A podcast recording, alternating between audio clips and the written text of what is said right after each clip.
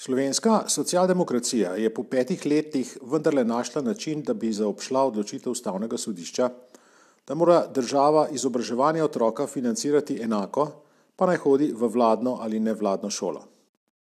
Namesto da bi javno veljavne programe osnovnošolskega izobraževanja financirali 100 odstotno, bodo financiranje iz 85 odstotkov zmanjšali na 65 odstotkov.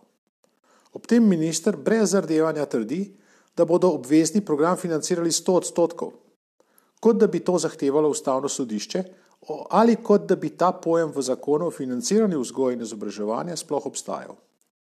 Upa, da ne novinari, ne ljudje ne bodo opazili razlike med javno veljavnimi programi osnovnošolskega izobraževanja, kot so opredeljeni v zakonu, in delu le tega, ki se mu reče obvezni program. Še bolj pritlehno pa je, da se spremembo kaznuje pobudnike ustavne presoje in otroke v nevladnih šolah postavlja v še slabši položaj. Češ, kaj se pa pritožujete? Mar bi bili zadovoljni s 85 odstotki, zdaj boste dobili pa 65 odstotkov.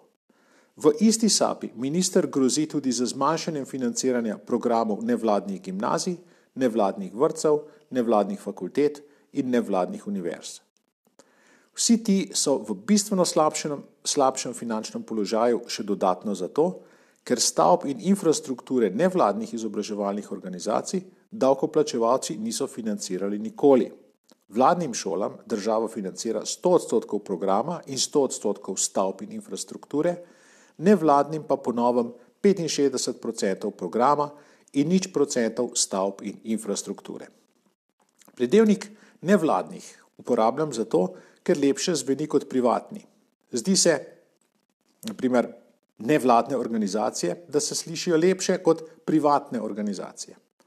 Demokracijo v socialdemokraciji pa dajem v narekovaje, ker če bi ta stranka bila za demokracijo, bi se pokesala za desetletja ideološkega betoniranja kulture in prosvete in prosila za nasvete, kako bi lahko ta prostor čim bolj odprla, demokratizirala in pluralizirala.